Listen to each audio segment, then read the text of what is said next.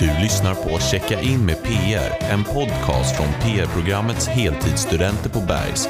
I den här podden kommer vi leverera de senaste spaningarna inom PR, kommunikation, populärkultur och mycket mer. Nu checkar vi in. Hej och välkomna till veckans avsnitt av Checka in med PR. Jag heter Mimmi och jag sitter här med min klasskamrat Michelle! Gud vad kul att det äntligen är vår tur Michelle. Mhm, finally girl, finally. Vi en vecka sena. Ja men du behöver inte ge mig en sån tyst paus för jag vet att det är mitt fel. Miss Corona in the house. Ja, nej men jag tycker att vi ändå har skött det ganska bra. Att vi Mm. tog oss, vårt förnuft till fånga och inte trängde in oss i det här rummet. Då, vi gör det nu istället. Ja alltså det hade ju blivit lite jobbigt för dig känner jag. Ja, Men eh, precis. Men men, nu sitter vi här. Jag tänker att ska jag eh, dra igång med min, eh, med min lilla spaning på en gång? ja men gör det. Jo, men jag tänker på förra veckan Mhm, när vi var, när vi var hemma och var sjuka mhm. i klassen. Då var det ju Singles Day. Yes. Känner du till det? Mhm. Eh, jag är ju singel, till skillnad från dig. Jag vill inte säga något men. Men ja, du är i ett lyckligt förhållande. Nej men jag har lite tankar kring eh, just Singles Day som eh, dag. Mm. Om du vill höra. Absolutely. Så Singles Day firas den 11.11. Och enligt Wikipedia så är det en kinesisk högtidsdag då alla singlar ska firas. Eh, man kan säga att det är lite som en motsvarighet till alla hjärtans dag. Att den ska skilja sig, att det är lite mer för de, den olyckliga alla hjärtans dag. Men den kan också vara lite som en reaktion på USAs Black Friday. Så vad det då handlar om är att olika butiker och varumärken ger rabatter och kampanjpriser just den här dagen. Och om jag minns det rätt så var det 2018 som jag första gången såg det i, eh, i Sverige. Mhm. Vad som man kan märka under den här dagen utifrån ett kommunikationsperspektiv är att varumärken ofta blir lite extra kreativa just för att attrahera singlar. Alltså singlar blir ju mer attraktiva om det var det du menar. Precis, exakt. ja men det är klart jag har tänkt på det. Eh, Nej men okej, Kina slog rekord i försäljning redan på, eh, alltså på morgonen när Singles började. Eh, och man kan också säga att det är tack vare kinesernas inhemska konsumtion så har de liksom, de har redan kommit upp i någorlunda samma ekonomiska stabilitet som fanns innan pandemin. Eh, och fa- eh, staten har ju också då irrationellt under Singles Day utan tänka liksom efter mer på sin konsumtion. Men trots det så har det här tech-konglomeratet, det är ett svårt ord, men Alibaba, som jag, jag vet inte exakt vad Alibaba gör men det är liksom något, de äger allt känns det som.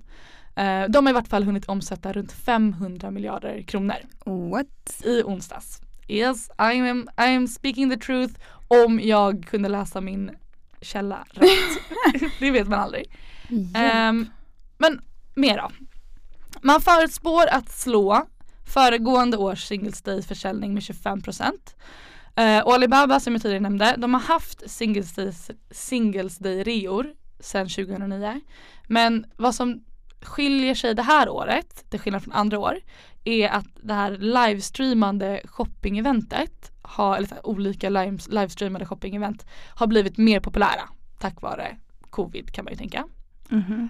Och därför börjar jag tänka på mitt liv som singel. Kommer en ökad konsumtion hjälpa mig i mitt singelsliv? Likt den då har hjälpt Kinas postpandemiska ekonomiska bekymmer. Jag har svårt att tro det. Men det får mig också tänka på hur vi tagit till oss Kinas högtidsdag i Sverige.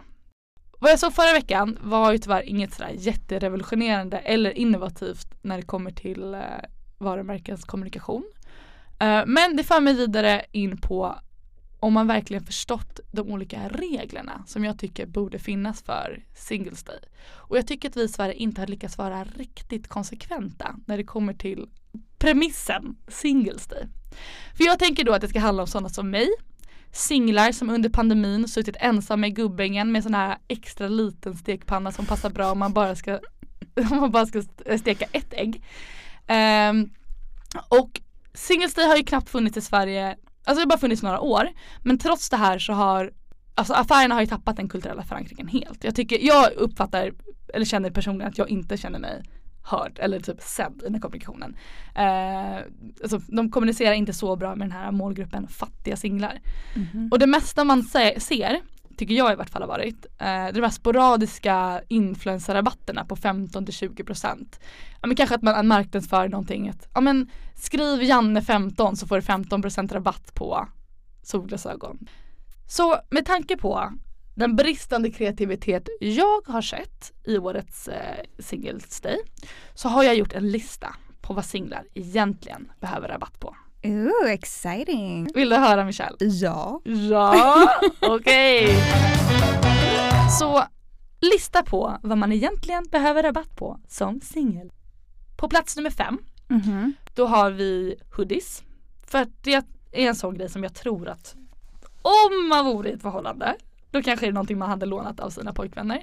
Enligt Tumblr i alla fall. Om inte killen har skitdålig smak dock. Ja, Eller så här dåliga tröjor Jo. allmänt. jag jag slutade ju träffa en kille en gång för att han hade ludd, ludd i sin hoodie. så, så jag tyckte det var så fult. Ja Okej, men du ser. okej, efter konstruktion, men men. Nummer fyra då.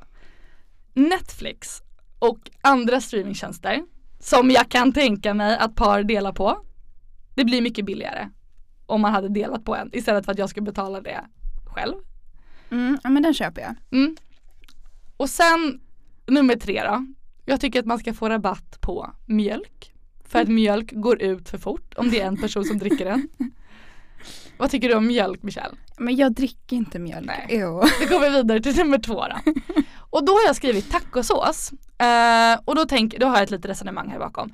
Jag kan tänka mig att det nu sitter ett gäng självgoda par där hemma och skrockar över alla patetiska singlar som dukar upp tacobuffé för sig själv en fredag. Ja, ja Michelle, men då säger jag bara att vi kan skratta på men jag kan tycka också tycka att det är en liten, lite av en mänsklig rättighet att få käka lite tacos. Och vad som händer efter en singelbuffé det är att tacosåsen kanske hinner gå ut för att jag orkar inte äta en hel tacosåsburk Jag på en gång. Där. Så den börjar jäsa och så kommer det onsdag då. Så jag slänger på lite på, på min sallad någon vecka senare. Åh jo, så kommer det med mögel, gud vad äckligt. Jo men det hände mig förra veckan. Jo. Det är sant, jag började äta och bara det här smakar inte bra. Så tacosås på salladen, inte en mm. tipptopp. Nej men topp ett vad jag tycker singlar borde få rabatt på under Singles Day är hyran. Jag har sagt det förr och jag säger det igen, det är inte rimligt att jag ska betala 100% av min hyra. Medan par istället betalar 50% av sin hyra. Och Mm. där var min lista slut. Men Mimi, Mm. vad skulle du säga om en vän kom upp till dig och sa att han eller hon var sexuellt intresserad av barn? Oj, då hade jag Oj, hur mycket frågor jag hade haft då till Ja, den men- personen. Ja, det hade ju blivit lite dålig stämning troligtvis, eller hur? Absolut fruktansvärd. För jag menar, hur förväntas man reagera på någonting sånt egentligen? Och det är också det som är poängen med den här kampanjen som jag tänker ta upp nu. Mhm. För hur skapar man kommunikation för personer som har sexuella tankar om barn? Och hur når man dem innan de begår sexuella övergrepp? Oj, vilken jäkla, alltså jag tänker vilken jäkla eh, djungel. Den norska motsvarigheten till Folkhälsomyndigheten gick i höstas ut med kampanjen Det finns hjälp.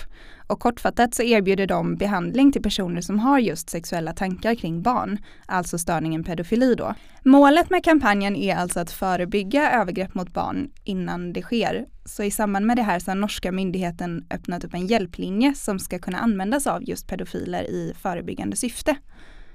Det finns ett problem i att ämnet är så tabubelagt och möts med direkt avsky av samhället.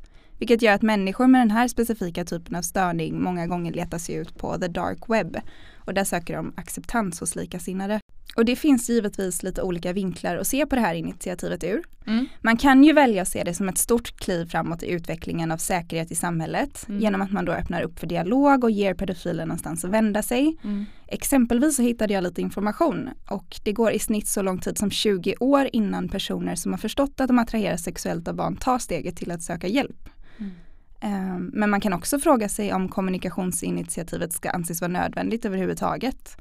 För pedofili är ju trots allt ett brott som globalt sett är accepterat att vara det absolut värsta brottet man kan be- begå. Ehm, och då kan man ju fråga sig, finns det en risk att man normaliserar det här ämnet? Så det första du sa om att liksom ta det här klivet framåt. Att Mm. liksom kunna prata om pedofili på, alltså överhuvudtaget egentligen enligt mig. För jag, alltså, jag har aldrig sett eh, Alltså som sådana här sociala kampanjer, liksom, aldrig sett det riktigt förut. Nej precis. Så jag kan tänka, alltså så här, det är ju verkligen Alltså ja, men lite kopplat till det du sa i slutet, just att kunna normalisera det Mm. behöver inte innebära vad jag tänker att man accepterar det. mm. Men jag tror verkligen att ett steg framåt för att man ska alltså bli kvitt sina bekymmer då, då eller ja, det låter jättetrivialiserande men ja, att bli kvitt liksom tankarna man har är väl att man måste kunna känna sig, alltså så här, inte kunna känna sig som det här läskiga monstret kanske.